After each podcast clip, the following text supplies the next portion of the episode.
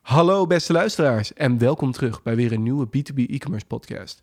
Vandaag doen we het iets anders dan normaal. We gaan namelijk een webinar terugluisteren waar ik twee weken geleden aanwezig was over replatforming voor e-commerce skill-ups. Een heel interessant onderwerp, denk ik voor iedereen die in e-commerce aanwezig is, want die vraag komt altijd wel een keer op. En dat doen we samen met Wello, die de onderdelen vanuit marketing gaat belichten, specifiek marketing automation, dus waar moet je daarmee op letten. En Sherpaan, die een interessant insteek hebben op ja, hoe regel je fulfillment nou en vooral als je gaat opschalen. Ik vond het heel interessant om eraan deel te nemen en ik denk dat het een hele interessante discussie is geweest. En daarom wil ik het ook delen met onze luisteraars en dat zijn jullie. Mocht je nou denken, het was een webinar, ik kijk hem liever terug, dan kan dat natuurlijk ook op ons YouTube kanaal TIGHQ. Over twee weken zijn we weer terug met een nieuwe podcast, die wel in de oude stijl is opgenomen. En dan kunnen we jullie hopelijk weer verwelkomen. Tot de volgende keer.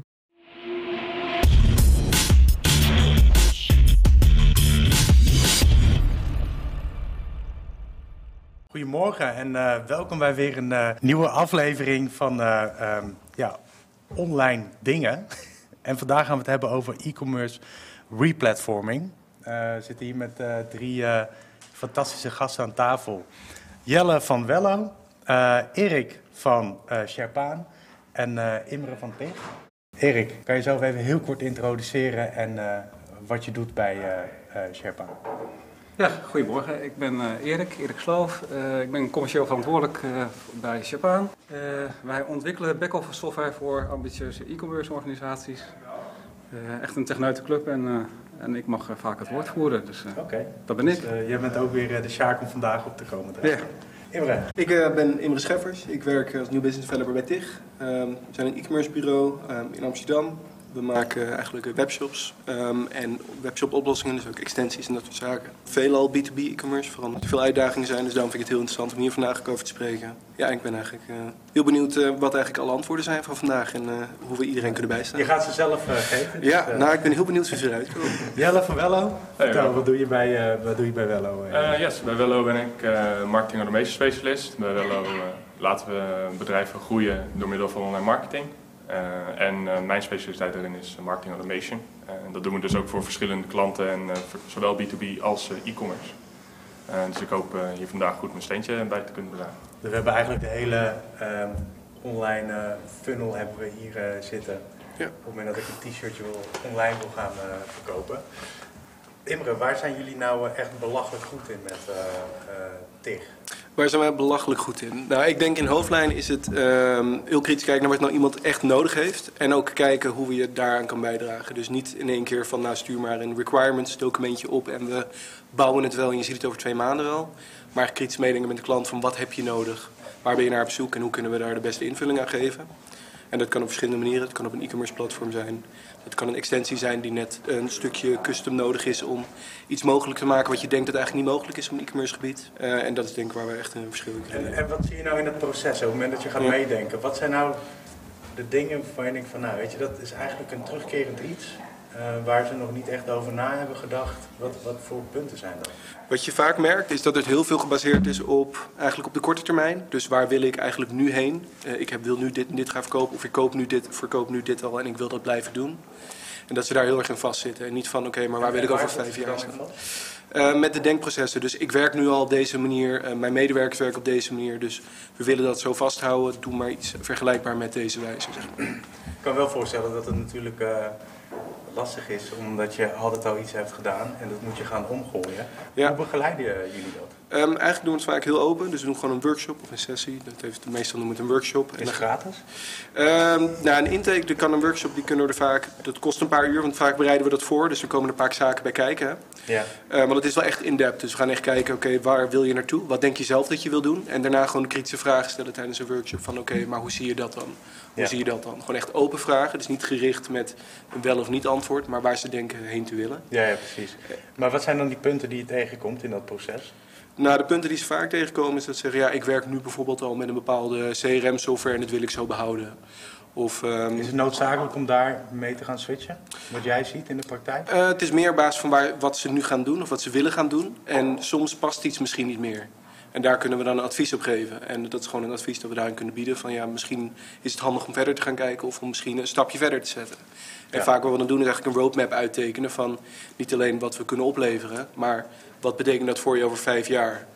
En waar een ander punt, wat, je, wat ook vaak voorkomt, dat mensen, nou, ik moet nu gaan overstappen of ik moet nu iets gaan doen. Doe maar alles in één keer. Maar dat is eigenlijk niet wat je zou willen of zou moeten doen. Dat is het meeste wat we niet adviseren. Kijk nou eerst, wat is nou de basale stap die je eerst kan nemen? En dan kan je op termijn steeds meer toevoegen. En vooral ook op basis van kijken hoe je klanten daarop reageren. In plaats van, Ja. nou, ik denk dat dit een goed idee is. Oké, dus dan hebben we eigenlijk het, eh, de voorkant die hebben we gehad. Ja. Ehm, dit gaat de markt in en dan komt eh Erik eh, aan bod. Want waar stappen jullie in, eh, in het proces? Ja, wij stappen eigenlijk eh, vaak laat, of soms te laat misschien, eh, in. Eh, ehm, ja, wij zijn eigenlijk onafhankelijk van het platform dat je gaat kiezen. Eh, Dus het maakt niet uit of ik nou Shopify heb of Magento of... Nee, op zich maakt het niet uit. Waarbij we natuurlijk wel bepaalde voorkeuren hebben. Het is natuurlijk handig als je kiest voor een, bestaande koppeling die, die er al is.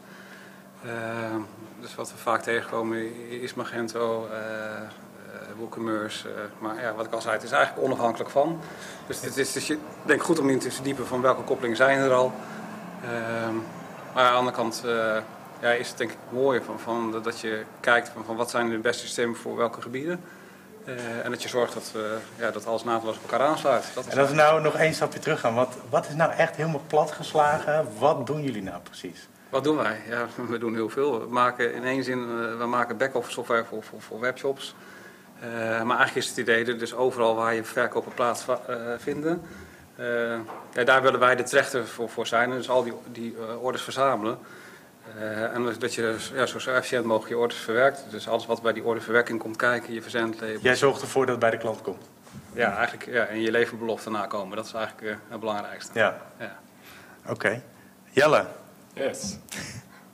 automation, vertel. Ja, de, hun vullen het goed aan. Eh, je, je website staat dus, je webshop eh, draait eh, volle toeren. Ehm, hopelijk heb je al mooi je orders laten inschieten. Gaat dat lekker automatisch? Is de opvolging daarop goed? Eh, vanuit de webshop wordt vaak al de, de bevestiging van, van jouw bestelling gedaan. Maar voor veel partijen houdt het daar vaak op. zeker in het beginelement. En veel webshops hebben dan dus eigenlijk een heel groot gemist potentieel. Dat is namelijk hun huidige klantenbestand. Oké, Eh. dus eigenlijk de mensen hebben besteld. eh, de, de mailtjes, dat wordt gewoon allemaal mooi geregeld. Ja, En dan valt het een beetje dood. Is dat wat je zegt? Ja, precies. En dan valt het een beetje dood. En heel vaak is dat heel erg zonde, want er ligt natuurlijk zoveel potentieel bij al die klanten die al eens een keer bij je hebben gekocht. Of misschien eh, wel een e-mail achtergelaten, maar nog niet hebben gekocht. En daar wil je gewoon veel meer mee gaan doen. En dat is precies waar marketing automation om de hoek komt kijken. Want ja, zoals iedere winkeleigenaar wel weet, wil je dat niet handmatig gaan, eh, gaan lopen sturen. Eh, en op een slimme manier gaan automatiseren. Ja. En eh, daar kan je dus denken aan het upsellen. Dus iemand heeft al wat gekocht en dan daarop doorpakken. Dat zijn ook onder andere de bekende winkelmandje verlaat e-mails. Dus je hebt dat bijna afgerond. Je had ook al je gegevens ingevuld, maar niet afgemaakt. Dat je daaraan wordt herinnerd. Is dat nou echt zo'n ding? Want ik zie dit best wel vaak terugkomen. En ik denk, tenminste hoe ik ernaar kijk, is... Nou, ik heb het besteld. Ja, Ik heb ervoor gekozen om het toch niet te kopen. Wat zie je in de praktijk? Is het echt een onderdeel van je zegt van oké, dat moet je hebben? Want ik denk van ja, ik heb het niet voor niets niet afgerekend. Dus ik vind het wel prima zo. Hoe, eh, hoe zie jij dat? Ehm, ik, ik zie dat heel erg als van, eh, het is eigenlijk een platform wat je steeds verder kan uitbouwen. Ehm, je hebt daar niet per se, eh, ja, je hebt je manuren en je ontwikkelingstijd. Maar als het eenmaal goed staat, is er niet extra advertentiebudget nodig of extra, eh, ehm, extra kosten. Ehm, en juist als het eenmaal goed staat, kan je op heel veel manieren waarde leveren. En dat, die waarde kan naar jou toekomen als in extra bestellingen. En net wat jij zegt, er zijn mensen die, eh, die happen wel heel erg goed op die e-mails. Die voelen zich wel getriggerd om weer eens een keer een nieuwe bestelling te doen. Zie je dat ook echt terug? Eh, ja, zeker. En ook zeker met het eh, twee elementen zijn altijd heel erg sterk voor bestaande klanten. Dat is toch je enerzijds de acties, maar dan wel een laag eroverheen die gepersonaliseerd is. Dus door middel van het slimme systeem is het niet een random algemene actie, maar kan je meer inhaken op wat jij weet van die klant. Ja. eh, en wat jij voor gegevens hebt in jouw eh, systeem. Eh, en het andere aspect is referral. Eh, dus bijvoorbeeld, jij bent al heel erg enthousiast over, over mijn webshop, maar misschien kan jij wel jouw vrienden zover krijgen om ook enthousiast te worden. ja. En daarvoor kan je slimme campagnes op doen. Klantbeleving? Klantbeleving zeker. En dat is dus precies het aspect wat ik bedoel van op meerdere manieren kan waarde naar jou toe komen eh, als winkeleigenaar. Dat kan dus op de, letterlijk op inkomsten zijn, maar dat kan ook die totale ervaring zijn en klantinzicht. Ehm, dus jij kan ook op automatische manieren, op een hele fijne en laagdrempelige manier feedback vragen aan jouw klanten. Ja. Ehm, dus inderdaad van hey, hoe ging de opvolging, hoe ging de bezorging, Ehm, hoe ervaarde jij de webshop aan zich. Maar eh, dat kan je dus doorvoeren. En daar krijg je veel waarde uit. Oké, dus eigenlijk heel veel mogelijkheden met die e-mail automation. Ja. Eh, je kan bijna eigenlijk alles tackelen daarmee. Eén keer goed opzetten en dan pluk je de vruchten ervan. Ja, één keer, vaak is het één keer goed opzetten. En langzaam steentje bij steentje steeds verder uitbreiden. Ja, ze uitbouwen. Hoe, eh, hoe ervaren jullie dat zeg maar, in, eh, in, in het kader van klantbeleving? Eh, wat voor waarde vanuit jouw vakgebied, wat voor eh, waarde leef je eh, voor klantbeleving met jullie product? Met ons, eh, de software helpt erbij om zeg maar, je beloftes na, na te komen. Dus eh, eh, ja, het, het is, eh, ja, de e-commerce gaat steeds sneller. Hè. Van, van vandaag besteld morgen in huis. Is tegenwoordig zelfs al, al vanochtend besteld vanavond in huis. Ehm, ja, dat kan allemaal wel, maar ja, dan moet je wel je processen goed geautomatiseerd hebben. Ja, Ehm, en als het dan eens een keer, eventueel een keer niet meer goed gaat, dan is het natuurlijk ook belangrijk om daar weer op te anticiperen en ook daar je proces op eh, eh, in te richten. Van, de meest gestelde vraag volgens mij nog altijd, waar blijft mijn pakketje? Ja. Die, die vraag moet je voorkomen. Eh, en als het er misgaat, ja, actief informeren van nou ja, helaas, eh, het wordt een dag later beter zo'n bericht dan geen bericht. Men is wel bereid om te wachten, denk ik. Maar je moet ze wel informeren. En, en, en doen jullie dat dan? Of zit dat dan juist bij de webshop? Hoe, waar, waar gebeurt dit in dit, in dit hele proces? En de hele keten, denk ik. Ja. Dat dat, eh, Het moet allemaal met elkaar gelust zijn. Ja, het is een combinatie van, tenminste voor- inhakend op Ja. wat Erik net uitlegt, wat Sherpa kan doen, is als je daar al de orde informatie hebt, je weet eh, wat, welke voorraad je hebt, wanneer eventueel misschien nieuwe voorraad binnenkomt, die kun je dan weer presenteren aan de voorkant in de webshop. En precies wat Erik zegt, het informeren is super belangrijk. Ja, Ehm, en ik, je vertelt liever aan een klant vooraf van oké, als je er nu 20 bestelt, dan duurt het een week. Dan dat je een valse belofte doet van ja, het is er over drie dagen. Maar dat je accuraat kan inhaken en dat je weet wanneer komt het dan of wanneer is het er of wat heb ik er überhaupt in mijn voorraad staan. In plaats Ja. van gewoon alleen maar loze beloftes doen. welke trends heb jij de afgelopen tijd eh, waargenomen? Waar je denkt van, oh, dit gaat nu opeens wel heel snel. Ja, ik zie een, een verschuiving in, de markt met eh, de platformen. Daarom vond ik het, het onderwerp van vandaag zo, zo leuk. Eh, voorheen, denk ik een paar jaar terug, had je, als je ons gevraagd had van wat doen jullie, had ik bijna denk ik, gezegd van nou ja, we doen bijna 100% eh, Magento. En dat, dat is, is absoluut niet meer het, geval. Dat, en zeker met de migratie van, van Magento 1 naar Magento 2 eh, hebben we er veel van, van gehad. Eh, maar het is geen vanzelfsprekendheid dat ik aan het begin dacht van nou dat zal wel zo. Iemand die, die Magento 1 heeft, die gaat wel naar 2. Nou, en, dat blijkt, blijkt niet het geval. Maar ja, dan moet je dus dan gaan, gaan oriënteren. Maar wat dan? Ja, Dus, eh, welke andere opties zijn er nog meer? Want ik weet, wat, wat ik weet Ja. is... nou, weet je, ik heb een heel leuk ideetje. Ik ga t-shirtjes doen. Eh, doe gewoon lekker Shopify. En, eh, ja, en op een gegeven moment krijg je problemen. Welke problemen zie jij het moment dat je gaat van start-up naar scale-up? Wat, Ja, nou, er zijn, er zijn een, een groot aantal problemen die kunnen voorkomen. Er zijn dingen die je ook kan afvangen. Maar het grootste wat je vaak ziet is dat ze een pakket hebben gekozen. Dat eigenlijk past voor een aantal bezoekers. Dus laten we zeggen voor 5000 bezoekers. Nou, laten we zeggen 100 bezoekers tegelijkertijd. En wanneer ze dan groeien en steeds groter worden. En er komen steeds meer mensen bekijken. Nou, dan gaat de paginasnelheid ook omlaag. Met het pakket waar ze dan in zitten. Vooral op een SaaS-platform waar je dan in zit. En als je daar dan echt tegenaan loopt, ja, dan gaat natuurlijk ook de ervaring van de klant natuurlijk naar beneden. ja. Dus dat is nummer één. En dat valt niet op te lossen. Dat valt zeker op te lossen, maar dat hangt wel vanaf in welk platform je zelf zit. Kijk, bijvoorbeeld als je in een, een SaaS zit, dan moet je kijken wat is er mogelijk om op te schalen intern. En wat zie je nou, ik zeg maar, qua platformen? Dus we hebben Shopify, Ja. wat ik ken. Jij kent er ongetwijfeld Ja. veel meer. Dus we hebben Shopify, noem er nou nog eens drie, waarvan je denkt van, nou, daar beginnen de meesten mee. Ja, nou, een- eentje waar ook heel veel mee beginnen is een WooCommerce. Dus ik zeg vaak inderdaad, als je nou echt start, precies wat je zegt, ik, heb, ik wil een t-shirt bedrijfje beginnen. Start dan met een Shopify, een WooCommerce. Eh, je ziet Shopware steeds meer opkomen, die is nog wel wat prijziger, maar daar kan je misschien iets meer in spelen. Software? Ja, Oké. Dus dat, ja, dat is ook weer een nieuw. Het groeit allemaal. Het komt steeds meer bij.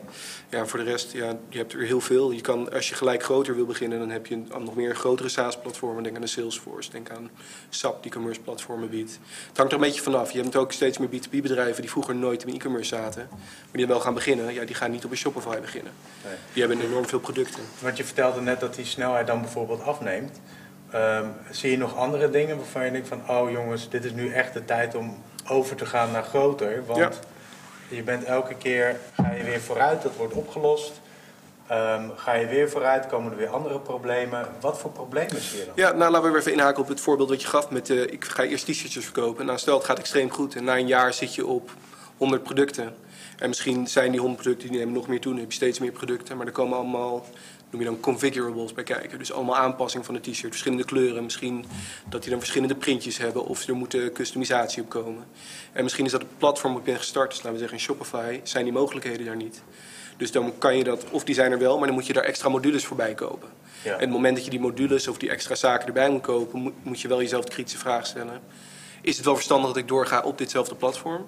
Of moet ik misschien gewoon even om me heen gaan kijken? Is het uiteindelijk eh, duurder om maar modules erin te stoppen dan een shift te maken naar een groter iets? Ja, het hangt natuurlijk een beetje vanaf hoeveel de module precies kost. Maar op termijn is het vaak wel zo. Vooral als je het doel voor ogen hebt, ja, ik denk dat ik door blijf groeien. Ja, dan moet je jezelf wel echt navragen, moet ik nou continu modules gaan blijven toevoegen? Of kan ik beter gaan opschalen naar een platform die mij dat allemaal, zeg maar, out of the box, of in ieder geval bij de start kan bieden. Ja. En waarop ik het makkelijker kan opschalen. En is dan ook zo op het moment dat je elke keer weer nieuwe module erin plugt, dat, je, dat er ook meer dingen verkeerd gaan? Of als we een update doen, of, of valt dat mee? Ja, daar zit wel een verschil in. Dat we zeggen, even, als we op een WooCommerce zitten, dan heb je een open source, je moet je zelf gaan onderhouden. Dus daar is er wel een groot risico dat er wat mis kan gaan. Want je bent zelf verantwoordelijk ook voor de updates die daarbij komen kijken. En sommige extensies en modules die zijn van een external party. Dus dan moet je dat altijd even testen sowieso, kijken hoe het werkt. Maar er is er altijd een kans dat dat misschien niet meer werkt bij de volgende update. Ja. Ehm, vanuit SaaS-perspectief ehm, is, heb je vaak sowieso al een kleinere mogelijkheid voor uitbreidingen. Want dat zit dan vaak binnen een interne marketplace. Het moet worden goedgekeurd. Zit je vaak wat veiliger. eh, want eigenlijk houden de updates daar ook rekening mee en de provider daarvan ook. ja. Maar ja, het, het is wel vaak, wanneer je echt steeds meer uitbreidingen nodig hebt, zou een, een platform als Shopify zou ik niet meer gaan aanraden. Als je steeds meer custom gaat doen. Want Shopify is perfect voor wanneer je weet wat je wil doen. Ik wil mijn t-shirts gaan verkopen en ik heb dit en dit nodig en dit past erbij. Ja. Wanneer je gaat doorgroeien, dan moet je wel kijken waar wil ik, wat wil ik nog meer hebben. Of wat zou nog meer handig zijn in plaats van wat heb ik nu en wat is op zich goed. Maar waar zou ik echt heen willen? Maar weet de, weet de gebruiker dat? Weet de ondernemer dat? Ja, ik, Want die gaat er wel vanuit van nou, dit is wel gewoon, het zit solide in elkaar. Het is makkelijk te gebruiken. Ehm, Magento is abacadabra voor me, maar dat is pas voor later. Ja, het, het verschilt. Je hebt, eh, soms zien ze het niet. En wanneer je hebt een paar momenten dat het opvalt, dat is als de kosten echt gaan stijgen. Dus of je moet opeens veel meer per maand gaan betalen. Ja. Of je moet bij extra modules gaan betalen. Of je bent meer kwijt aan bepaalde dingen onderhouden. Of je moet extra dingen erbij bouwen. Bedenk maar wat er allemaal bij komt. Dat is vaak alarmbel nummer één. Want dan merk je het direct. Je voelt gelijk van, wat gebeurt hier nou? Ik betaal nu veel meer. Mijn marge gaat naar beneden. Ja. Eh, een ander onderdeel wat kan gebeuren is dat je misschien in de beperking hebt van waar je heen wil, dat er minder klanten langskomen of dat klanten minder bestellen. Ja. Of inhakend op het voorbeeld eh, wat Jelle aangaf, dat ze wel iets in de winkelwagen doen, maar uiteindelijk niet meer verder gaan, omdat misschien de, de checkout niet meer snel genoeg werkt. ja, precies. Dus dat zijn dan Pakketje. ja, het perfect voorbeeld. Ja. Oh, gesproken over, eh, over marges, hè, eh, Erik. Ehm, zijn jullie daar een, eh, een, een goede partner voor om te zorgen dat die marges beter worden voor de, voor de ondernemer? Want ik kan me voorstellen dat ik denk van, nou weet je, ik doe dat allemaal zelf wel. Maar er komt natuurlijk een punt voor de ondernemer dat het echt geld gaat kosten, omdat het niet snel genoeg is, het is niet goed geregeld. Eh, te veel pakketjes, ik heb maar eh, x aantal uur in een dag. Jullie hebben natuurlijk veel meer mogelijkheden. Ehm, zeg maar, om, om die winst gezonder te houden voor een bedrijf. Ja. Eh, hoe spelen jullie daarop in? Weet je, wat zijn nou de dingen waar je van, nou, dat moet je gewoon zo goed ingeregeld hebben. Want dit gaat een ondernemer geld kosten. Als hij dus van een start-up naar een scale-up gaat, of misschien nog wel groter. Ja. Ik denk dat elke onderneming dat moet doen, maar, het is inderdaad, uh, we komen het vaak zat tegen dat, dat het nog niet inzichtelijk is. Dus, dus daar helpen we graag bij om dat inzichtelijk te maken. Uh, en wat maken jullie dan inzichtelijk? Uh, precies, van eigenlijk wat je onderaan de streep overhoudt. Want het is heel leuk om te sturen op, op omzet. Uh, maar als jij je, je inkopen, je, je, je verkoop, uh, je voorraad, je leveranciers, als je het allemaal koppelt en integreert en, en de kosten bijhoudt, ja, dan, dan, kunnen wij je gewoon aan het eind van de rit geven van, van, wat je aan een orde overhoudt. En ook als je je verzendkosten, iedereen wil gratis verzenden, maar het kost wel geld. Ja. En ook het, de hele toevlucht van, van het verkopen op allerlei platformen als Bol, Plaza, Amazon, noem maar op. nou, Bol doen, doen we altijd natuurlijk, maar als je ziet wat zij rekenen, ja, dan moet je volgens mij wel gewoon, gewoon goed nadenken van wat, wat ga ik er dan wel op plaatsen en, wat niet. Je hoeft niet alles erop te plaatsen, het, het is een prima platform. maar ja, sommige dingen kunnen denk ik gewoon niet uit. Ja. Dus als ik soms privé inderdaad wel eens iets bestel, dat ik denk van en met al de achterliggende uh, verhalen van ondernemers wat, wat zij afdragen. Ja, dan voel ik me nog, nog bijna soms wel schuldig om, om daar te bestellen. Ja, maar wat onderschat nou zo'n ondernemer? Ja, dat. Uh, alles kost geld, maar dat, dat, als, je, je een goede ondernemer bent, dan uh, onderschat je dat niet. maar. ja, ja, vast wel iets waarvan je denkt van. Oh jongens, dit hadden jullie veel eerder moeten weten. Hier had je veel beter over na moeten denken. Je, ja, nu, je stond met 4-0 voor en door deze groei sta je opeens met 6-0 achter. Ja, gewoon de inzicht in, in het proces van, van, van, wat kost me nou echt, ga, ga eens na van hoeveel tijd kost mij het nou, nou zeg maar, om zo'n Heb je een mooi voorbeeld wat jullie hebben opgelost, um, waardoor een ondernemer weer winstgevender werd?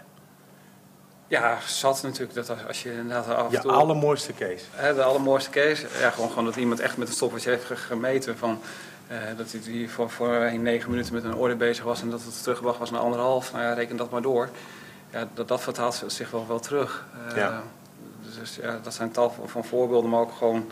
Ja, niet, alles is, is in geld uit te drukken. Dat is wel lastig van, van onze software. Dat, uh, ik hoor te vaak eigenlijk pas op het moment dat, dat men, men begint met, met software... Jeetje, maar had ik dat eerder geweten. Ja, en dat, dat is ook de reden dat we ook, gewoon graag aan, aan tafel willen komen... En, en met die ondernemer uh, gewoon, gewoon zijn proces hebben willen zien. Van, van de, de, hele tijd waar we nu in zitten, dat alles online en met teams met meetings uitgelegd wordt. Ja, dan mis ik toch wel vaak de praktijk dat ik dingen zie. Van als je in een magazijn rondloopt, dan denk ik van hé, hey, maar waarom liggen die pakketjes daar nog? Waarom ligt dat papiertje er nog op? En ja, daar moet nog iets bij. Ja, daar, daar, heb je software voor om dat bij te houden. Dat, hoef je niet met, met papiertjes en post-its te doen. Ja. En ik zie nog zat post-its en papiertjes in magazijnen rondzwerven. Ja, maar dit is gewoon echt een probleem wat vandaag de dag is. Dat nog houtje touwtje is, terwijl het allemaal veel sneller kan. Uh, nog altijd, ja. En iedereen zegt ook altijd als ze bij ons komen, volgens mij. En ik denk dat iedereen dat beaamt van, ja, maar we, we doen toch allemaal hetzelfde. Ja, in basis doen we denk ik allemaal wel hetzelfde. Maar iedereen heeft toch weer zijn eigen specifieke proces. En wat is dan uh, die van jullie? Waar zijn jullie nou echt belachelijk goed in? ja, dat we uh, combinatie kunnen, dat we heel veel dingen standaard doen. Maar dat we inderdaad, uh, doordat elke klant zijn eigen omgeving heeft, ja, kunnen we dus, dus ook daar wel in meedenken. Als we dan iets tegenkomen wat zo, zo specifiek is. Dat ook gewoon customizen. Dat, kunnen we dat customizen, ja. ja. Goeie. Um, er zijn natuurlijk heel veel uh, partijen als het gaat om webshops, et cetera. Ja. Um, wat maakt jullie nou compleet anders dan de rest? Ja, ik denk voornamelijk het, het, strategisch inzicht en het stapje terug. Dus het kan soms ook zijn, wij werken hoofdzakelijk met Magento. Uh, dat we aan tafel komen, gaan kijken wat de opties zijn. En als het dan misschien niet past uh, voor een klant, dus op dat moment precies wat je zegt, een proefballonnetje, hebben het geld misschien wel en die willen het wel doen. Maar je denkt van ja, misschien is op dit moment, zou je eerst nog even moeten kijken waar je heen moet, om die kritische nood bij te kunnen aanleggen. Dus dat is stap 1. Dus sowieso even kijken waar ze überhaupt heen moeten. Dus ook gewoon kritisch meedenken. En de andere manier kritisch meedenken is ook eigenlijk in plaats van wat ik eerder noemde, dus uh, eigenlijk wat Erik net ook uitlegt. Je hebt vaak denken ze precies te weten wat ze nodig hebben. En dat kan je dan uitvoeren. Maar soms kan je er tussendoor proef je al van, oh, nou, maar hier is niet over nagedacht. Ja. Of je weet helemaal niet wat je daar moet doen. Ja. Dus dat je zegt dat je iets kan aanbieden van, ja, misschien moeten we dit nog even niet doen. Of dat we zeggen, zullen we dit in de latere fase doen. Vooral omdat sommige fases van, ja, dat noemen ze soms wel eens de Big Bang. Hè. Als je dan begint gelijk met een replatforming alles in één keer neerzetten. Ja. Gewoon beginnen met de basis, alle dingen die echt benodigd zijn. En daarna gewoon op termijn steeds meer erbij bouwen en Een opbouwen. beetje wennen natuurlijk. Ja, en dan kijken hoe de klant erop reageert. In plaats van nee, maar ja, laten we alles er maar inzetten. En misschien werkt het dan helemaal niet. En dan kan je daarna inderdaad wel je marketing automation tools ervoor inzetten. Maar dat is alsnog ben je dan dubbel bezig. Dus je kan het beter dan doen. Een wisselwerking tussen. Beginnen met het echt het noodzakelijke. Bouwen langzaam steeds meer bij. Dan kan je dan in combinatie met een marketing automation tool gewoon ook bijhouden. Hoe werkt dit? Ja. Halen we hieruit wat we eruit willen halen? Waar kunnen we op bijsturen? Misschien kun je wel input daaruit krijgen dat, wat je voor ogen hebt om nog erbij te bouwen. Op een andere manier in te zetten. Dus dat eigenlijk hoofdzakelijk. Duidelijk. Wanneer is het tijd eh, om jou in te schakelen, Jelle? Eh, heel snel altijd. Ja, Nee, vind je het dat? is vooral. ehm, ehm, voor het voornaamste is twee momenten. Eén is als je gewoon ehm, of al eh, eigenlijk zit te zitten op een groot e-mailbestand waarmee je weet er zit veel potentie in en je doet Wat is groot? Ehm, ja, groot zou al, in mijn optiek zou het al nuttig kunnen worden. En daar zit wel een range in van oké, uiteindelijk welke tooling. Net zoals je hebt duizend en één verschillende website, uh, webshop systemen. Eh, dus dat is ook binnen marketing automation platformen. Dus de grote kies je daar wel van. Maar stel je hebt gewoon een bestand, een gezond bestand van 2000 plus contacten.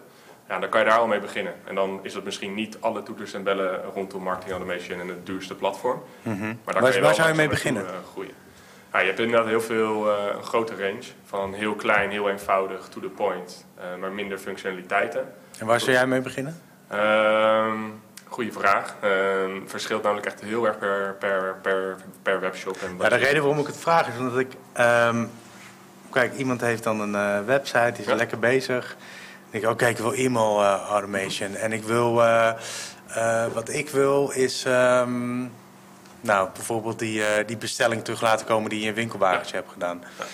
Maar er zijn vast nog wel andere dingen van je zegt van... Nou, begin nou eerst eens daarmee. Gewoon klein, weet je, dat blijft misschien onder de aandacht. Of Ja. zit meer op een koopimpuls. Wat, wat is nou hetgeen wat je die ondernemer aanraadt? Van, precies. Nou, als, je, als je echt helemaal begint bij het begin en je wilt het echt eh, simpel houden, en zeker als je zelf minder technisch aanleg hebt en minder ervaring met dergelijke platformen, dan is Mailchimp een goede oplossing, omdat die is heel erg geprent op gewoon easy, to the point, een gebruikersinterface die iedereen wel begrijpt, of je nou wel of niet in de wereld zit. Eh, en die heeft wel gewoon voor, zeker voor webshops, de standaard automation flowtjes die je, die je verwacht. Dus gewoon lekker simpel. gewoon lekker eh, simpel. eh, kan die, je doet, zelf. die doet wat je moet doen en die dekt eigenlijk de basics voor webshops.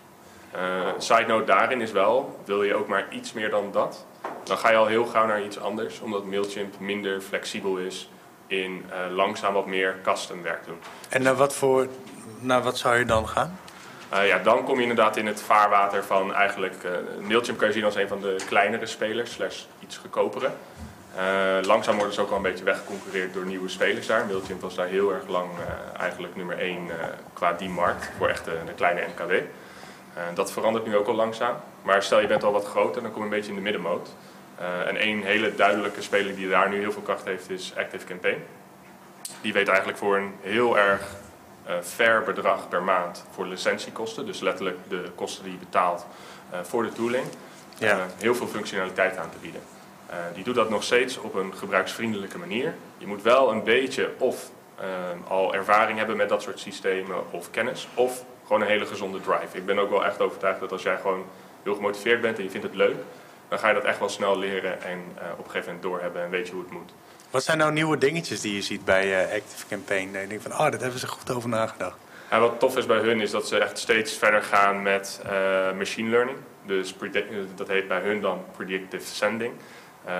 Nou, dat zijn dingen die je normaal altijd ehm, handmatig moest doen. Dus dan denk aan bijvoorbeeld de, de eeuwenoude vraag binnen e-mailmarketingwereld is... wanneer kan ik nou het beste mijn e-mail uitsturen? Is dat dinsdagavond? Is dat in het weekend? Is dat op vrijdag net voor de borrel? Eh, die vraag krijg je altijd en het antwoord was altijd... het ligt aan je lijst, het ligt aan je doelgroep, want iedere doelgroep is anders. Ja, Uh, de ene doelgroep is in het weekend actief op zijn e-mail, de andere niet. En de andere leest nooit zijn e-mail, want die heeft duizend ongelezen mails.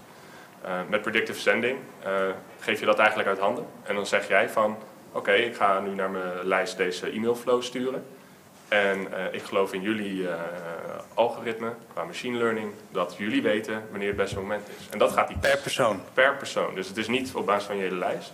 Maar die weet van, oh Mitch, die moet ik hebben, na een paar keer zenden. En jij opent één of twee. Weten we op een gegeven moment, oké Mitch, jij, uh, jij leest altijd je mail op dinsdagavond. Ja. En zo kan je dat dus uh, automatisch doen. En dat soort En, dingen. en dat, heb je daar al cijfers van? Qua omzet? Qua omzet, nee, niet concreet. Nee, nee. Heb je al een keer ge-AB-test? Uh, AB Hoe zit wel. trouwens dat? We AB-testen in, in eh, e-mail ja. automation. Eh, want, Dat is typisch wel zo'n voorbeeld. Dat, ehm, dat kan een, een, een breaker zijn van welk platform kies je. Ehm, er zijn eh, platformen die dus eh, nou, een, een e-mailflow bouwen. Dat kan je echt zien als van hey, eh, je hebt een begincriteria van hey, iedereen die, eh, die dit heeft gedaan of doet, die gaat eh, de e-mailflow krijgen, een campagne. Ehm, en daartussen kan je allemaal ehm, criteria zetten. Dus als dit, doe dan dat. ja, ehm, maar dat is al, dat is al een beetje oud, toch? Ja, en dan Dat kom je dus al. inderdaad verder. Dus dan zeg je, oké, maar nu willen we alles AB testen. En heel veel platformen hebben dat ook wat geïntegreerd. Dus dan binnen je campagne kan je ook zeggen, oké, dan, dan gaan we nu dit doen. Maar dan wil ik wel een mooie split. 50% van de mensen krijgt eh, juist deze e-mail. En 50% van de mensen krijgt een andere mail. Of die skippen we. Of die krijgt misschien wel een sms. Eh, whatever, het kan alles zijn. Eh, Dat kan ook nog sms. ja, en dat is, eh, het klinkt outdated. Maar eh, ik weet toevallig één partij in de Het is supplementen.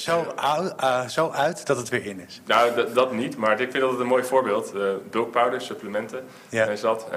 Die doet dat dus met zijn echt extreme acties. Denk Ja, aan de ik, 50% ik vind dat een hele slimme. En Want ja, het is zo, bijna niemand doet het meer. Het, het voelt oud, maar voor mij, ik kijk heel weinig mijn mail. Maar als ik een sms'je krijg, valt die direct op. ja. En ik heb al een paar keer op een actie gereageerd. En die dat AB-testen, hè? want ehm, er zijn heel veel klanten die zeggen bijvoorbeeld van nou, ik doe dat e-mail automation doe ik niet, want eh, de mensen die openen het geen eens. Mhm. Hoe ga jij daarmee om als eh, Ja, nee, ik zou e-mail automation baas? Dat kan, eh, kan lastig zijn, maar dan probeer je inderdaad cases voor te dragen, cijfers te benoemen en ook een, een, een soort van voorstel en plan neer te leggen wat voor hun behapbaar is. Maar eigenlijk een heel praktisch voorbeeld zeg maar, van hoe, hoe trigger jij dat die persoon de e-mail wel gaat openen? Want ik hoor best wel vaak van, ja weet je, ik ga dat echt niet meer doen hoor. Heel veel moeite en eh, ik krijg er toch geen omzet, want ze klikken het geen eens open. Ja. Zou je dan, wat, wat zou je testen dan? Ja, wat een, eh, denk ik een goed voorbeeld is, is dat je kan ehm, eigenlijk gaan, langzaam gaan prikken in van oké, voorbeelden die jou wel getriggerd hebben. Een goed voorbeeld is dat iedereen altijd maar zegt van nee, mijn e-mail kijk ik nooit. Maar als jij eh verwend fan bent van eh, een Uber Eats en altijd maar eten bestelt, ik weet bijna wel zeker dat jij al eens een keer die kortingscode hebt gebruikt. Heb je tegen mij, omdat ik Precies. nogal Ja, ja. fors ben. Dus eh, jij hebt hem al vaak gebruikt. Omdat, die open ik altijd en ik doe iedere aanbieding pak ik. Ja. Dat klopt. Nee. Ja, maar kijk, daar, hun spelen heel slim is. En dat is dan net een ander hoekje dan de webshops. Want dat is ook nog eens een keer een app naast dat het een soort webshop is. Ja. Maar die spelen wel precies in op, op welk moment bestel jij normaal. Ze weten donders goed wat de populaire tijden zijn. Ze weten precies wat je lekker vindt, want je hebt al vaker besteld. Dat zit allemaal in hun database. En dat gebruiken ze om jou een hele persoonlijke, relevante e-mail. En dat zorgt ervoor dat je uiteindelijk die e-mail niet skipt en wel opent. Ja. En ja, je gaat altijd mensen in je database hebben die gewoon nooit de e-mail openen. En dat is ook realiteit. eh, en dat is prima. Ja. Dus dat, eh, je kan het altijd proberen omhoog te krijgen. Maar het is ook prima dat er altijd een, eh, een gros blijft die dat niet doet. ja. Ehm, Imre, wat, met welke platformen werken jullie nog meer? Nou, wij werken eigenlijk voor, hoofdzakelijk gewoon met Magento. Voor de rest doen we ook eh, af en toe custom oplossingen. Dat is eigenlijk voornamelijk wat wij doen. Voor de rest ge- kunnen we advies bieden voor waar ze anders heen zouden kunnen. Maar wij hebben daar echt een hoofdfocus op liggen. En de hoofdreden waarom wij met Magento werken of met custom is wel... Wat, wat vind jij nou echt de voordelen van Magento? Wat vind je nou zo ijzersterk daaraan? Nou, het voordeel is, je hebt, het, is soort, het voelt een soort van custom aan, maar het is een vast platform. Dus je hebt wel updates die uitkomen die je kan doorvoeren. Ehm, er zijn extensies voor gemaakt in de markt, waardoor je niet alles zelf hoeft uit te vinden. Maar het is wel Wat, gewoon... wat is de ook- laatste die jij heel leuk vindt? De laatste extensie? Ja. Ehm, er is nu een extensie, die, die was er al een tijdje, maar nu voor het ophalen, click and collect. Bijvoorbeeld dat het vrij makkelijk is om nu de, in één keer het mogelijk te maken om te kunnen ophalen in de winkel. Dus dat, zijn, dat is bijvoorbeeld iets wat heel makkelijk is om te doen, omdat het al bestaat. Dus bijvoorbeeld wat voordeel van Magento is, er bestaan zoveel extensies al. Het bestaat al heel lang, dus je hebt een marketplace. Nou, daar koop je dan, laten we zeggen, bij zijn, voor pak een B 200 dollar een extensie. In plaats van dat je 20 uur het een externe partij moet laten ontwikkelen. Dus dan kan je heel makkelijk dat er in één keer inzetten. Bij Magento is er gewoon wat al meer over nagedacht. Ze lopen misschien wat voor. Ja, het is een community, noem, het, ik het altijd. Het is gewoon een open community. Ehm, je hebt verschillende versies van Magento. Je hebt een open source, die is gratis te downloaden. En je hebt een commercial variant. Dat, daar betaal je dan wel voor, maar dat, er zitten veel meer functionaliteiten in. Dat is vaak voor bijvoorbeeld B2B heel interessant of grotere organisaties. En je hebt ook nog een cloud variant, dus je hebt daar drie varianten. Maar voor een partij die over gaat stappen, kan bijvoorbeeld een open source heel interessant zijn. Omdat je niet direct hoeft te betalen voor het platform aan zich, Ja, maar wel voor de implementatie. precies. En, maar dan kan je het wel meer naar je hand zetten. Dus je, ja, met een SaaS-platform zit je vaak toch meer binnen bepaalde borders. Ja. Terwijl je met Magento heel veel kanten op kan. En daar helpen wij dan bijvoorbeeld mee. Een voorbeeld van Magento, wat je daarin kan doen. We hebben soms dat je met een partij samenwerkt, die zit op een industrieterrein. En die werkt dan samen met, die heeft dan het CRM, zijn ze gaan gebruiken, die, van de partij die ook op het industrieterrein zit. Nou, daar is nog nooit een koppeling voor gemaakt. Maar dat is dan wel te koppelen, want er zijn verschillende endpoints vanuit Magento, waardoor je dingen kan gaan koppelen. En dat kan je dan helder krijgen. Ja. Regelen jullie helemaal en dan... eh, Ja, daarvoor zetten we dan een aparte data-workshop. En want vaak precies hetzelfde daar. Iedereen denkt altijd precies te weten wat ze nodig hebben. Maar dan vergeten ze, oh ja, wacht, die data moet er ook nog in. ja. Of die moet dan weer terug. En dat krijgen we dan helder. Dan teken je een architectuur uit van hoe ziet het er dan uit. En dan kunnen we dat specifiek gaan bouwen. En dan kan Magento kan soms, dat zie je steeds vaker. Dat vind ik wel heel interessant om te zien. Is dat Magento steeds vaker eigenlijk een soort van alleen de voorkant aan het worden is. Ehm, met op de achterkant, nou, bijvoorbeeld een proces vanuit Sherpaan, maar ook gewoon heel veel aan de achterkant allemaal gebeurt. Of het gaat zelfs naar externe systemen, het gaat naar het ERP-systeem of het gaat naar het CRM-systeem waar het dingen ophaalt. Ja. En het staat er allemaal niet meer in, maar het dient gewoon als het portaal waarin alles netjes wordt gekoppeld. Omdat het daar ook heel voor gemaakt is. Zijn jullie makkelijk te koppelen? Ja, ik denk dat je dat goed zegt. Dat, dat eh, Magento is goed volgens mij in alles wat op, op de site gebeurt en de content. En, eh, maar beperkt erin eh, ja, alles wat erna komt. En dat is denk ik de bestaansrecht dat, dat wij daar eh, ja, graag in, in meedenken. En jullie zijn makkelijk te koppelen op ieder platform? Of zeg je van nou, we hebben toch wel voorkeur voor dit? Of...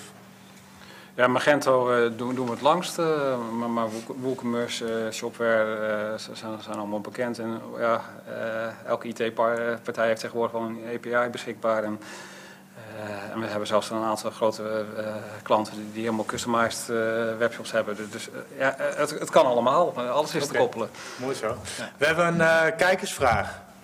Wat zijn de beste argumenten om conservatieve collega's te overtuigen van een nieuw platform? Wie wil hem beantwoorden? Eh, ik kan hem wel afstarten hoor.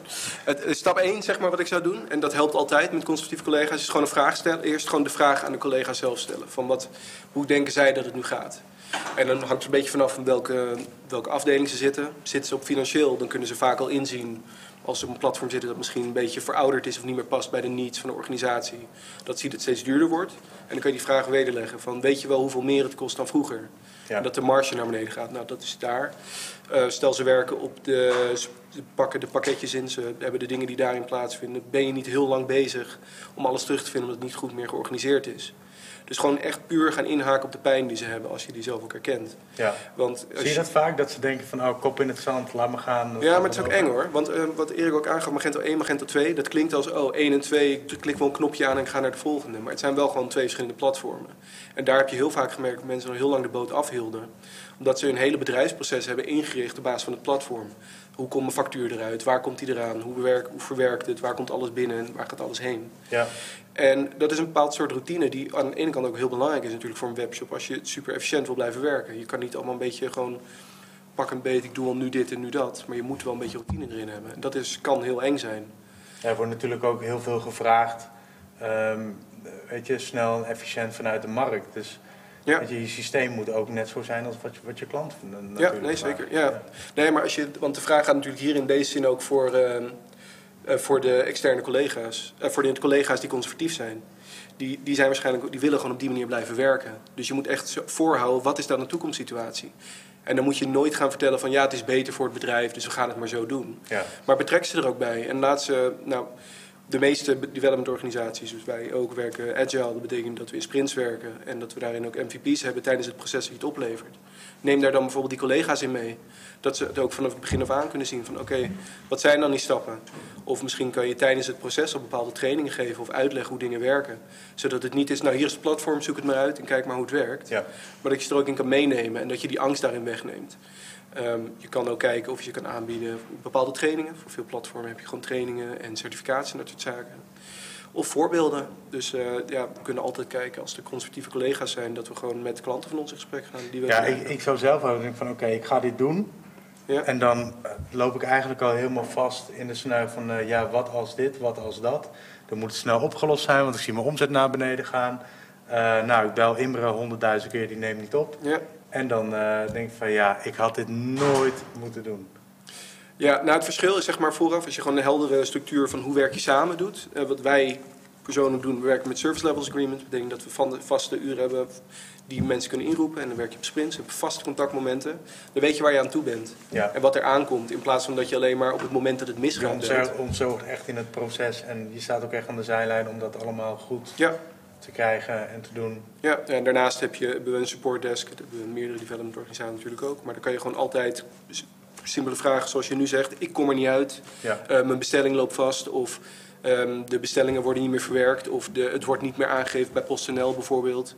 Help, want ik loop nu wat mis. Want in een goed lopende e-commerce shop kan je echt gewoon een dagtijd kan je echt duizenden, tienduizenden euro's kosten. Ja, dus dat is cruciaal. Ja. Erik, wat zijn de laatste eh, mooie dingen in eh, oplossingen die jullie aanbieden? En je van, hé, hey, dat is een nieuwe. Dat is eentje die wil ik zo graag aanbieden aan eh, mijn klanten, maar ze weten het nog niet.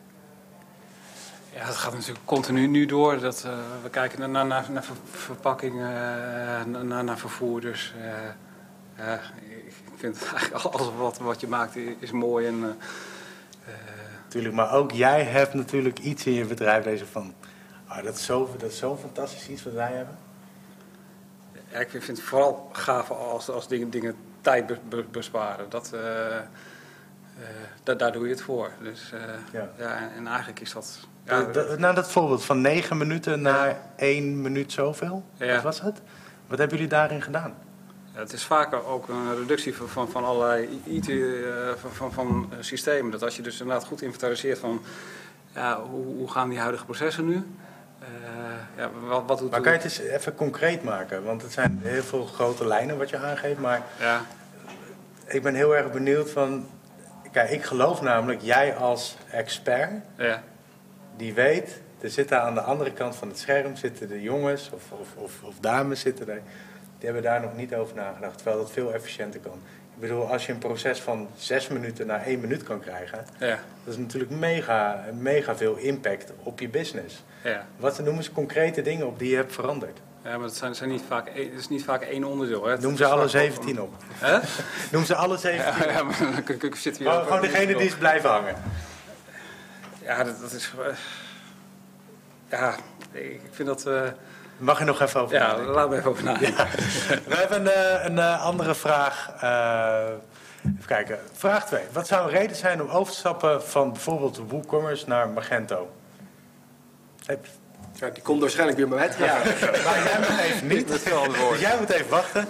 Want jij hebt natuurlijk ook gewerkt met WooCommerce en Magento. Klopt dat? Ja, klopt zeker. Wat zou, hoe kijk jij er tegenaan? Wat, is, wat zou jouw reden zijn? Nou ja, kijk, voor mij zou deze vraag eh, tussen deze twee partijen misschien eh, niet zo belangrijk zijn. Want ik denk dat eh, zeker de, de partijen die ik al opnoemde en zeker ook de nog grotere partijen, die hebben echt eh, nul problemen om te, te connecten met een WooCommerce en een Magento. En dat komt gewoon omdat het zijn gewoon gevestigde partijen. Het wordt Ja. heel veel gebruikt. En het is natuurlijk vraag-aanbod. Eh, Zo'n marketing automation platform heeft klanten nodig. En die klanten gebruiken het alleen als hun systeem goed werkt met het bestaande Dus jij, systeem. dus jij hebt geen voorkeur? Wat Nee, maar, dat, ik wil wel de side note dus meegeven. Dat, dit snijdt wel een heel belangrijk punt aan voor mij. En dat is altijd, maak de juiste keuzes qua platformen, qua integratiemogelijkheden. Ja. Als jij een heel onbekend eh eh, webshop systeem hebt, dan kunnen heel veel van die platformen niet daarmee... Is het zo dat jij ook heel veel dingen moet doen met terugwerkende kracht? Met je e-mail automation? Dus stel ik zit bij WooCommerce of eh, ik zit bij Shopify, ik noem maar wat. Ehm, ik besluit om met Imre eh, te gaan knallen in eh, Magento. Ondervind jij dan problemen met jouw ehm, automation? Ja, dan, dan moet je wel zaken gaan aanpassen, want ieder systeem werkt anders. Ehm, dat heet dan in de automation wereld heet dat dan triggers. Dus wat gebeurt er op je website? En als dat gebeurt, dan moet er X gebeuren aan de e-mailkant. Ja. Ehm, ja, dat, dat, dat soort facetten, dat verandert. Ehm, qua de laag die erachter ligt, qua coding, En, data. en, en is het dan zo ehm, dat jij zegt van ja Jelle, ga jij dat maar aanpassen? Of zeg jij van nee, Imre, ga jij dat maar aanpassen? Ja, dat is een hele goede vraag. Dat is eh, soms ook in het midden. Ehm, heel veel dingen ehm, ligt, zou bij mij liggen. En eh, zou zijn van, hé, eh, we weten hoe dat systeem werkt. En ik kan gewoon aan mijn kant eigenlijk al die nieuwe triggers juist instellen en aanpassen. En dat doe je dan samen met Imre. Ehm, ja, soms niet. Soms, soms is het helemaal niet nodig. Maar soms ga je ook zeker dingen tegenkomen waarvan je zegt van... hé, hey, dit werkte normaal, ben ik gewend zo. Het lijkt nu niet te kloppen of het staat niet goed. Of bijvoorbeeld, ik ben geen echte diehard developer. Terwijl ik kom ergens achter waarvan ik denk van... hé, hey, ik krijg het maar niet voor elkaar om een meetpunt in te stellen... ehm, wat ik nodig heb ehm, voor mijn e-mailmarketing. Ja, dan zou ik aankloppen. En dan zou ik zeggen van, hé, hey, hoe kunnen we dit samen oplossen? Eh, Ja. En dan kunnen hun kijken aan hun kant eh, qua code. Zonder te wijzen naar elkaar, ja, maar hij. En, eh, Nee, het is, eh, je zit samen in een team, dus je moet je oplossen. Wat is jouw reden?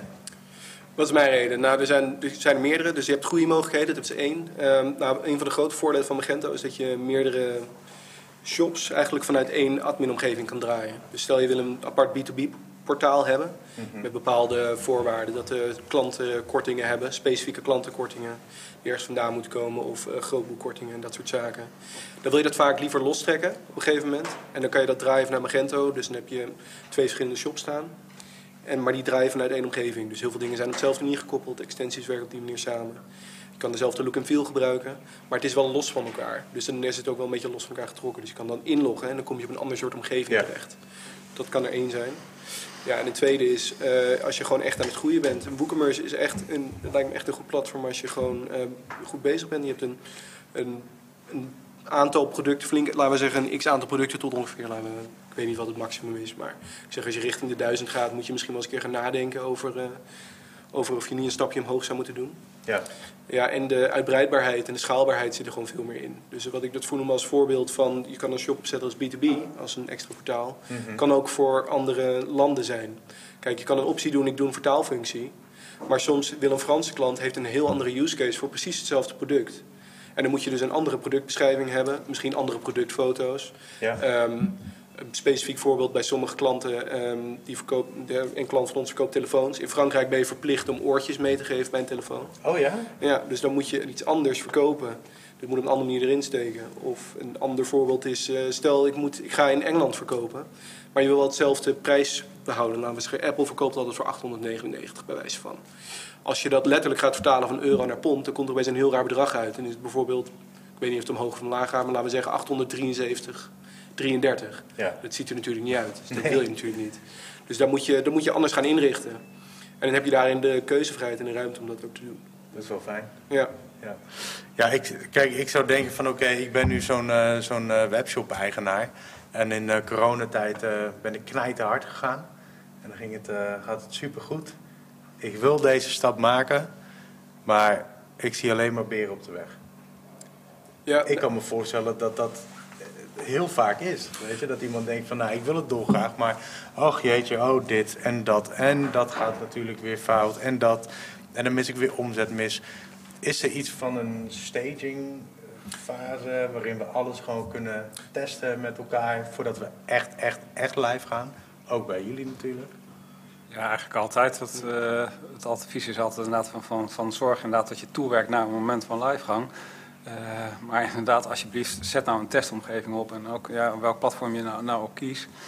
Eh, maar het bijzondere is dat, dat, als je naar ons kla- klantenbestand kijkt en, en type shops, zie je inderdaad dat, dat de, grotere shops, die, die snappen inderdaad het belang van een testomgeving. En die hebben dat eigenlijk voortdurend ook wel actief. Eh, maar het, het is bijzonder dat, dat niet iedereen dat heeft. En ik denk dat, dat eigenlijk iedereen dat, dat zou, zou moeten hebben. Omdat je dus inderdaad ziet dat die ontwikkelingen zo, zo snel gaan eh, op, het gebied van e-commerce. En dat er continu eigenlijk doorontwikkeld wordt. Eh, ja, als je dan dingen wil gaan proberen, ja, ga het alsjeblieft testen. Ja, lijkt me logisch. ja, en dat gebeurt nog, niet al, nog lang niet altijd. Nee. Nog even terugkomen bij de vraag die ik net stelde. Welke quick wins ehm, zijn er te behalen als je kijkt in de markt? Ja, ik heb erover nagedacht. dat Het digitaliseren bijvoorbeeld van, het mobiel orderspikken. eh, nou, daar hebben we gelukkig wel wat stappen in gemaakt. Had ik heel veel van, van verwacht. En nou, dat zie je ook nu dat dat eh, om- omarmd wordt. Maar ook daar is, is het weer dat je het allemaal kan, kan bedenken. en dat het gelukkig omarmd wordt. Maar ook dat, dat er niet iedereen overgaat. En dat, dat je dus Ja. ja, ook die oude processen toch nog, nog moet, moet blijven faciliteren. Dus dat Ja. wordt steeds breder. Maar uiteindelijk moeten ze wel. Ja, nou, uiteindelijk moet het wel. En, en wat ik ook wel gaaf vind, inderdaad, als je het onderwerp pakt van, van replatforming, is, is dat we ook wel cases hebben dat het. eh, uh, misschien raar om te zeggen, maar dat het niet uitmaakt dat we ook uh, klanten hebben die, die er dus meerdere platformen uh, naast elkaar hebben door allerlei overnames. dat het een wereldgroei is van allerlei platformen door elkaar heen. Ja. nou, zelfs dan nog kunnen we zeggen van, ja, als je dat echt wil, ja, dan gaan we Jullie kunnen het gewoon altijd overzien. allemaal koppelen. Ja, oké. Dat is wel mooi.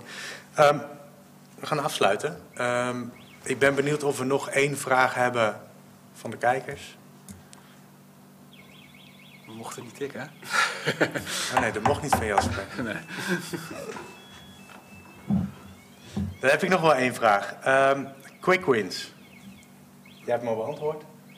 Imre? Quick wins, ja, het, haakt eigenlijk een beetje aan op wat Erik zei. Ik denk schaalbaarheid. Dus quick win is eigenlijk heel simpel en saai, maar gaat terug naar het begin. Zorg dat je eigenlijk altijd klaar bent om snel te kunnen schakelen. Voorbeeld is de click and collect. Dat kondigen ze aan en die week daarna gaat het in. Nou, daar kan je dus geld op pakken. Als je daar niet snel op kan schakelen, dan, Ja. dan houdt het eigenlijk al heel snel op. Plus jij kan natuurlijk ook op uh, aanhaken. Ja, dus Die e-maillijst. Had Ja, idee? vanuit mijn kant, quick win zou zijn, is ga na of je veel handelingen handmatig doet qua e-mailing. En heb jij een eh, potentieel e-mailbestand liggen, dan is het zeker een aanrader. En dan zou ik altijd beginnen met eerst, of dan wel intern, of met een partner waarmee je samenwerkt, eh, een soort bre- grote brainstorm sessie van wat willen wij, wat voor type e-mailflows en wat voor automatisering hebben we nodig. En daarmee kom je dan uiteindelijk op een soort van, dit moeten wij kunnen, dit moeten wij kunnen met een systeem. Maar ik denk ook aan de andere kant, Jelle, weet je, de referentiekaders van een klant zijn natuurlijk vele malen kleiner dan die van jou. Ja, klopt. Dus Eh, dat, daarom zeg ik ook van, of als je met een partner samenwerkt. En de andere quick tip zou dan dus zijn, ook als je bijvoorbeeld dus niemand hebt en je, je weet alleen, ik moet er wat mee, maar ik weet helemaal niet hoe en wat. Dan zou het zijn, oké, begin dan wel met dat lijstje van, hé, hey, wat, wat zou ik willen? En dan inderdaad, dat is waarschijnlijk niet volledig, maar dan heb je wel een beginpunt. En dan inderdaad stap in die wereld, want er zijn echt duizenden en één partijen. Ehm, ga die drie vinden waarvan jij denkt dat ligt in mijn price range, qua licentiekosten, et cetera. Ja. En volgens mij kunnen zij wat ik wil.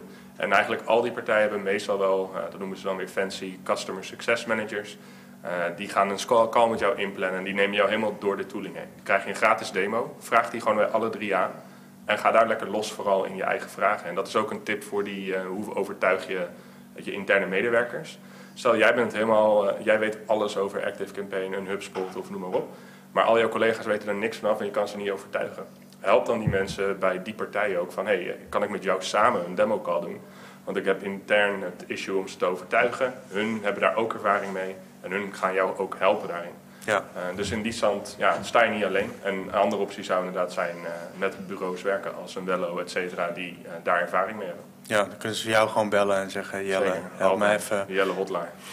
Jelle's hotline. Ja. Nou, dat vind ik een hele mooie om mee af te sluiten. Wat is het telefoonnummer van je hotline? Nou, ik zou hem even nog eh, delen. Oké, nou, dat lijkt me een hele goeie. Ehm ja, heren, dankjewel voor jullie komst. Is er nog iets wat jullie kwijt wilden?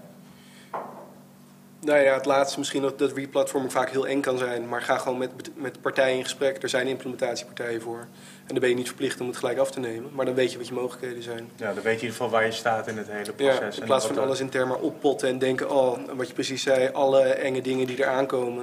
dan wordt het alleen maar groter en groter en groter. Ga gewoon Ja. een keer in gesprek, vertel waar je naar op zoek bent... en dan weet je wat je mogelijkheden zijn. Goeie. Ik ben benieuwd naar de reacties en eh, ik, eh, ik sta op eh, voor, de, voor vragen. Ik ben benieuwd. Leuk. Ja, nou, misschien dat er nog een vraag doorheen komt. Ik Denk het niet. Jelle, wil jij nog echt mee afsluiten? Nee, ik denk dat dat hem was. Nee? Maar- Oké. Nou, dan, eh, dan ga ik hem ook afsluiten. Dan eh, wens ik iedereen een fantastische dag. Ehm benader deze heren op het moment dat je een vraag hebt. En eh, ik hoop je snel weer te zien bij een volgende webinar. Fijne dag. Doei.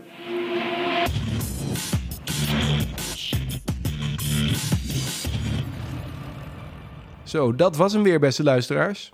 Ik had jullie vooraf al gewaarschuwd. Iets anders dan normaal. Over twee weken zijn we weer terug met een podcast. Dus dat is wat meer zoals jullie gewend zijn. In de oude setting. Het enige wat daarin wel anders is, is dat hij in het Engels zal zijn. Omdat we de podcast gaan opnemen met iemand van Magento. Eh, om eigenlijk te spreken over de verschillende onderdelen wat Magento dan kan betekenen voor jouw B2B webshop. Dus houd het in de gaten. Als je zeker wil weten dat je het kan blijven volgen, dan eh, kan je op de volgknop drukken en dan krijg je gewoon een melding wanneer die weer verschijnt. In ieder geval tot over twee weken.